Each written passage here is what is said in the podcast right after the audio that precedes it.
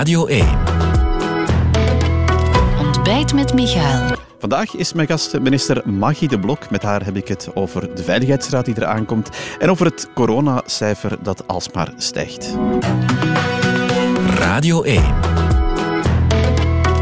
Ontbijt met Michael. En dat is in Merchtem. Goedemorgen, mevrouw de Blok. Want Goedemorgen. Dat is uw thuisgemeente. Uh, ik ga even laten beschrijven, want we zitten op een plek die ja, alles met corona, ik mag dat zo zeggen, Ja. hè, ook te maken heeft. Wat, wat is dit voor iets? Ja, dit is een eh, mooi huisrecht over het gemeentehuis. En de gemeente heeft dat gekocht eh, om administratieve diensten onder te brengen. Maar daar is een geweldig mooie tuin aan. En dus eerst is het begonnen met de proclamaties hier te doen Van in scholen. juni van de scholen. Ja.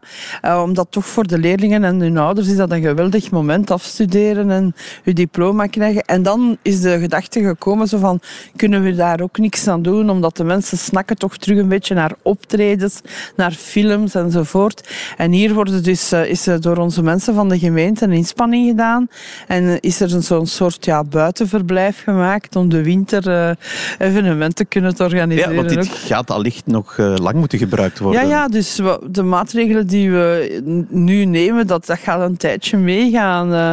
Eh, dus ja, we zien, we, beter dat we ons anders op organiseren dan gewoon te zeggen niks kan. Nee, want daar wil ik het even met u over hebben. Om te beginnen, eh, het zat ook net in het radionieuws, meer dan duizend besmettingen gemiddeld per dag. Een verrassing is het natuurlijk niet. Hoe interpreteert u die cijfers? Is dit nu dramatisch? Wel, wij volgen die toestand natuurlijk altijd op. En wat Sensano ziet, is dat er eigenlijk altijd nog haarden zijn die, ja, die we kunnen indijken. Soms in families, maar soms ook eh, in groepen jongeren, in een, een gemeenschap. En dat is belangrijk. We zien overal op heel de wereld is dat virus terug eh, kracht aan het winnen. En sommige landen zijn al terug in eh, lockdown, of sommige steden. Dat willen we echt vermijden. Dus vandaar ook het belang van de quarantaine, van de contact tracing enzovoort. Eh, Dus ja, de maatregelen die we nemen, daar zijn we toch nog mee, ik denk wel meer dan een half jaar zoet mee. Hè. Dus, ja, eh, misschien eerst nog even over die cijfers zelf. Die duizend, is dat nu ja, een, een drempel die echt tot, tot ik zal zeggen, paniek moet, moet veroorzaken? Of, of tot, tot aandacht vestigen Het erop? is een forse stijging, daar kan je niet omheen. Hè. Als we kijken naar vorige maand. eh, dus eh, die tweede golf die is dan eventjes gaan liggen. Doordat we allemaal terug heel mooi de maatregelen hebben toegepast. En dan nu weer eh, met de vakantie, met mensen die een beetje voert zeggen. voilà, dus zien we terug een heropflakkering. Ik vraag het u omdat, dat hebben we deze week ook gezien, binnen de, de groep van experten die de regering eh, bijstaat, daar ook wel wat discussie over bestaat. We hoorden lieve Annemans eh, deze week zeggen van, ja, dit, dit zijn cijfers, het gaan vooral over jongeren, dat, dat moet in die context geplaatst worden, dat is geen reden tot paniek. Hoe ziet u dat? Het is toch niet zonder gevaar. Hè? De jonge mensen brengen het dan ook weer over op hun ouders die vijftigers zijn en die dan ook nog waarschijnlijk ouders hebben die tachtigers zijn. En dus het is ook niet zonder gevaar voor de jonge mensen zelf.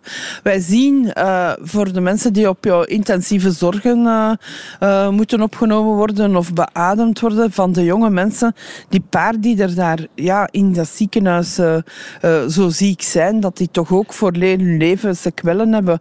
Dus ja, er kunnen er nu misschien eh, op 197 zo gewoon ziek, grieperig uitkomen. Maar die drie die dan voor de rest van hun leven daar eh, toch wel grote gevolgen van hebben, dat, dat bestaat ook. En Dus dat te veel relativeren is, is geen goede zaak. We mogen dat echt niet te veel relativeren, nee. Maar we moeten realistisch zijn. We moeten echt, we kunnen, we weten wat werkt, we kunnen dat doen. We hebben het al een paar keer kunnen doen en we vragen weer een inspanning van de mensen. Maar het is echt het gedrag van de mensen dat bepaalt hoe dat virus eh, zich kan Ja, verspreiden. die, die discussies die we dan zagen binnen wetenschappers, dat was natuurlijk nieuw. Is dat een, een, een Die goede zaak? discussies tussen mensen zijn niet nieuw. Ja. Ik heb ermee gelachen. het dat zorgt dat, eh, natuurlijk voor veel eh, Ja, verwarring voor ook. hè. de, dat is verwarrend voor de boodschappen eh, die dan ook naar buiten komen en waar ze het niet over eens zijn. Maar ja, kijk, dan kan u ook zeggen dat dat in de politiek ook zo is. Hè. Dus dat het mensen niet weg? dezelfde mening hebben. Nee, ik, ik lach het niet weg, want ik heb eigenlijk op Ja? Facebook geschreven dat uit elke discussie en uh, dat elkaars argumenten, dat daar iets goed kan uitkomen. En ik denk ook gisteren hebben ze toch wel een hele dag uh, goed vergaderd, uh, dat ze daar allemaal ook wel hun schouders willen onderzetten. Maar je hebt ook wel gezegd, die discussies die we de voorbije week in de media zagen van experten, dat moet stoppen wel. Hè? Ja, dat moet stoppen, want voor de mensen is dat verwarrend. zij zeggen, het is een professor, ik ga het doen. En dan zegt daar vijf minuten erachter een ander iets anders. Dus dan weten ze niet meer wie te geloven, wie te volgen. En dat ondergraaft eigenlijk hun eigen uh, ja, geloofwaardigheid. En ook als het uh, wetenschappelijk bewezen is, uh, voor elke stelling heb je geen andere stelling. Hè. Dus, ja. is, is het ook een, een, oproep aan die vele professoren en virologen die we zien van te zeggen van maar doe het niet in de media? Zeggen, heb goede discussies binnen kamers. ziet dat daar een goed resultaat ligt en laat al de rest zo. Hè wat minder in de media? Is dat ook de nou, boodschap? Ik verbied niemand om in de media te gaan. Vrije meningsuiting is voor mij zeer belangrijk. Ja, want die, die, uh, waar die groep van experten aan werkt, dat moet dienen voor die Veiligheidsraad van woensdag, is het denk ik. Hè? Woensdag, ja. Om te beginnen, er is deze week ook een paar keer gezegd, uh, die cijfers stijgen, stijgen sterk. Moest die Veiligheidsraad niet vervroegd worden? Wel, u moet weten, als uh, een Veiligheidsraad komt, dan is daar eerst allerhande overleg hè, met onder andere maanden maandag nu uh, overlegcomité. Dat is met alle minister-presidenten. Ik ben daar ook bij, dus uh, dat is een voorbereiding. Dinsdag hebben wij nog interministeriële conferentie. Dat is dan met de acht collega's voor uh, volksgezondheid bevoegd. En dan dus ja, ook de kern, morgen waarschijnlijk, of overmorgen ook. Enfin, we gaan nog verschillende kernen ook hebben. Ja. Maar dat kon ook allemaal dus- vervroegd worden, omdat ja, het zo ernstig was. Het is een natuurlijk. heel proces, dat gaat ook vooraf. dus het, de risk assessment managementgroep uh, moet daar een aantal zaken onderzoeken en de cijfers uh, goed motiveren. En dan de uh, RMG. Dus wij hebben een cascade van uh, uh, ja, methodologie om te mhm. werken. En uh, ondertussen, dat heb ik ook vorige week gezet, belet ons niks om de maatregelen blijven toe te passen die we, waarvan we weten dat ze werken. Hè.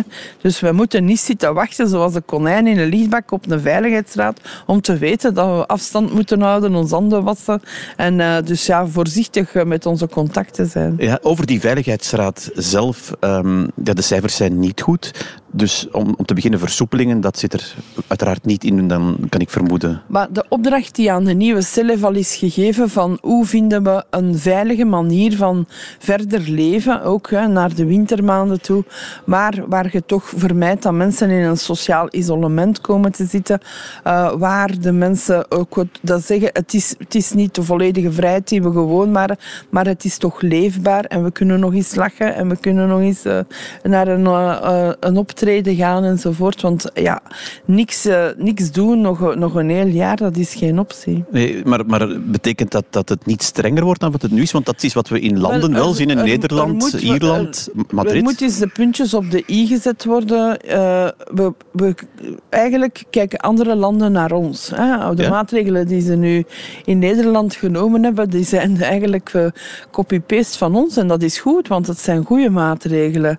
Maar in Nederland was er bijna niks van maatregelen. Hè. Dus uh, voordien. Dus ja, dat die nu Dublin bijvoorbeeld, Madrid wordt het wel veel strenger ja, maar dan daar is het ook. Het zijn echt... Uh, waar de, dat is geweten, hè, waar de bevolking dichter is, denser is, daar heeft het virus veel meer vat om zich te verspreiden. Als u in uh, een heel afgelegen gebied woont, dan is dat daar veel minder aanwezig. Dat hebben we ook in Zweden gezien. Hè. De steden waren bloedrood, maar het platteland, daar was eigenlijk nauwelijks iets gaande. Ja, die bubbel van vijf, dat ligt wel op de tafel, begrijp ik. Uh, wordt die afgeschaft? Ja, voor vele mensen vinden dat te beperkt, maar we moeten eigenlijk zien, de bubbel van vijf, dat zijn mensen waarmee je eigenlijk wel lichamelijk contact hebt, waar uh, die je, allee, te, met manier van spreken, uh, tegen je frak trekt en een kus geeft. Maar dan heb je de andere contacten, de, daar moet je echt al de maatregelen blijven doen, zelfs al zijn dat op je werk dagelijkse contacten enzovoort. Mm daar moet je de, de maatregelen blijven toepassen. En daar wordt nu gezien, omdat er wel mensen zijn die zeggen dat is te weinig en voor een gezin is dat niet haalbaar. En dus daar gaan ze zien, uh, wat kunnen we daaraan doen. Over die bubbel van vijf dan? Ja. Daar liggen dan. verschillende scenario's op tafel om te zien hoe je daar een, toch een, een versoepeling kan doen. Maar dat betekent dan een, een gro- een grotere bubbel allicht. Dat betekent eh, dat er dan ook andere maatregelen strenger gaan worden natuurlijk. Want het is altijd, je geeft het een beetje, dus het virus zou meer vat krijgen. Dan moet je een andere maatregel nemen waardoor dat je terug inbindt. Ja, maar die persoonlijke contacten, dat is dan wel iets waarvan, waarvan gezegd wordt dat moet wel groter kunnen, die, die, die Wel, ik denk dat we op een andere manier moeten leren met ons vrienden en ons kennissen en ons collega's omgaan eh, dan vroeger. Mensen zaten bij elkaar. Dat is ook op veel werken zo georganiseerd dat je met vier bij elkaar een kleine vergadering. Dat worden nu allemaal grote tafels en eh, grote zalen. Eh, als ons dat toelaat om normaler te functioneren, dan denk ik dat we dat moeten kunnen doen. Ja, het is misschien een beetje merkwaardig, net omdat die cijfers zo slecht evolueren, dat dan die Veiligheidsraad volgende week zou beslissen Maar die bubbel van vijf mag Het is erop groter. gericht dat het, het zal niet de enige maatregel zijn, hè. laat dat wel zijn. Mhm. Eh, het is erop gericht om eigenlijk een manier van u te organiseren en met elkaar om te gaan en uw leven eh, te leiden die eigenlijk voor de komende maanden is. En eh, we weten nog niet hoe lang. Het vaccin zal er maar ten vroegste in maart zijn. Het zal zeker een gefaseerde vrijstelling van het vaccin zijn. We weten ook nog niet ja, of het meteen immuniteit gaat geven. Er zijn nog zoveel onbekende factoren. Eh, dus ja. Het is een Veiligheidsraad woensdag. Is het uw allerlaatste Veiligheidsraad? Eh, ik moet also zeggen, ik heb eh, ontelbare veiligheidsraden meegemaakt tijdens de aanslagen ook. En eh, nu weer. Eh, dat zijn wel eh, heftige periodes en eh, dat, iedereen is daar gemotiveerd. Maar eh, dat zijn niet de leukste momenten in uw leven, nee. Nee? U, u hamert daar zo op? Nee, maar ik bedoel, u neemt uw verantwoordelijkheid en dat heb ik altijd gedaan. Maar dat zijn geen gemakkelijke vergaderingen. Nee. De vraag is ook, eh, en daar wil ik eigenlijk naartoe gaan, hè. Eh, binnenkort, allicht 1 oktober zeggen ze zelf, is er die nieuwe regering? Ja. Eh, gaat u daar nog bij zijn? Wel, ik ben eerst en vooral blij dat er een nieuwe regering is. En ik heb de kaarten, ik heb gezien dat er een kaartspel op tafel ligt. maar ik weet dat de kaarten de laatste nacht geschud wordt. En het zal eh, met veel partijen een klein aantal ministers zijn. Dus maar ik wacht af. Ik heb eigenlijk eh, nooit gedacht om minister te worden. Ik ben van 2011, men mag wel zeggen dat ik dan de joker ben die uit het kaartspel getrokken is door Alexander de Croo. Als u Dus, staatssecretaris geworden bent, dus, asiel en voilà. Ja, dus dan eigenlijk, ik wacht gewoon af. maar ik, ik heb een hele verantwoordelijkheid mogen dragen gedurende lange tijd.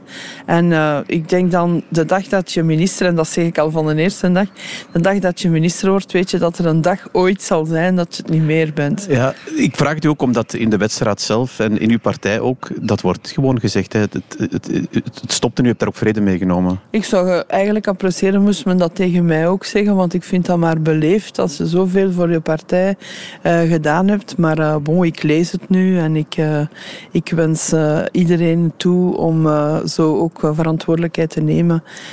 Is het iets waarvan u zegt, ja, het is goed geweest, ook voor uzelf? Nee, allee, ik bedoel, ik heb altijd eh, graag gewerkt en ik ga zeker eh, niet stilvallen, maar ik begrijp wel als een partij voor eh, andere mensen kiest. Ik vind het alleen een beetje onbeleefd om het niet tegen de betrokkenen zelf te zeggen. Is, is er ooit al iets van, van gesprek over maar- geweest? Nee, daar wordt nooit over gepraat. Hè. Allee, ge- vorige keer ook met Gwendoline. Ik had daar echt een, een goede band mee. Zij voorzitter, ik ondervoorzitter. We hebben dag en nacht bij elkaar gezeten. We hebben ook onze campagnes eh, samen gedaan. Maar ik heb niet op voorhand gezegd, je gaat mij toch minister maken. Zo marcheert dat niet. Hè. En er zijn altijd, eh, als het dan toch een kaartspel is, er zijn altijd eh, onverwachte kaarten die daar geschud worden de laatste nacht. Wat als het stopt, wat dan met u? Wel, dan ben ik eh, terug eh, een actief parlementslid. Hè. Dus, Dat gaat u eh, wel blijven. Ah, natuurlijk. Ik ben verkozen in de Kamer. Ik had toch nog in de 40.000 stemmen. Dat is toch, er zitten er daar veel met veel minder stemmen in hun eh, rugzak. Dus ik vertegenwoordig de mensen. En eh, ik zal me ook altijd voor gezondheid blijven inzetten. En eh, sociale bescherming, dat is eh, al heel mijn leven eh, mijn, mijn passie. Dus ik blijf dat doen. En ik ben zeer blij dat ik eh, eigenlijk zoveel verantwoordelijkheid op zo'n departementen heb kunnen hebben. Is het een moeilijk, een beetje een bitter einde? Want het, was een, een, zwaar halfjaar, een, een moeilijk halfjaar, maar ook een halfjaar waar u wel ook onder vuur kwam te liggen natuurlijk. Maar ik ben gestart met onder vuur te liggen hè, in 2011. Ik, was nog niet, uh, ik had nog niet mijn neet afgelegd of ze zeiden al dat ik moest ontslag nemen. Er zijn mensen die dat al, al zoveel jaar schrijven, die blijven dat schrijven. Vandaag ook nog. Uh, dus ik ben, uh, u ben eigenlijk... Wat, hoe blikt u zelf terug op? Laat ons vooral focussen op, op die, die laatste jaren als, in, in de functie die u heeft. Ja, dat was dag en nacht. En mijn, enfin, mijn familie, mijn vrienden die zeggen Allee, get alive. Hè. Geen vakanties, geen weekends, nooit, uh, nooit een keer uh, op tijd thuis en zo. Dus, uh, maar ik had dat er allemaal voor over. Maar ik besef ook wel dat je dat niet tot je 80 jaar blijft doen. Hè. Mag ik nu hier zo in de ochtendzon in Merchtem zitten toch concluderen dat u de knop eigenlijk hebt omgedraaid ook in uw hoofd al? Wel, ik, ik tracht te zien, en dat doe ik altijd in mijn leven als er een uitdaging is, uh, wat, uh, wat eigenlijk de goede kant en de, en de slechte kant is. En de goede kant is, je kunt ongelooflijk veel doen uh, op zo'n departement uh, voor de mensen. De slechte kant is, je moet je eigen helemaal wegcijferen, je familie, je vrienden. En dus ik denk, misschien is er nog een leven voor mij. En u bent er klaar voor, heb ik de indruk. Hè? Wel, ja, ik ben daar echt wel klaar voor. Ja. Maar eerst dus die Veiligheidsraad van uh, En eerst nog uh, zien dat er een regering komt en dat er een opvolger is. Hè. Ja, zo is dat. Allee, drie opvolgers of zo. Zo is dat. En eerst, eerst die Veiligheidsraad, Jan. Ja. En uh, inderdaad die nieuwe regering die er zichzelf van gezegd heeft dat ze er op 1 oktober zal zijn. Mevrouw de minister Maggie de Blok, dank u wel. Dit was Ontbijt met Michael, een podcast van Radio 1. Ontdek nog meer podcasts van Radio 1 in onze app en op radio1.be. Altijd benieuwd.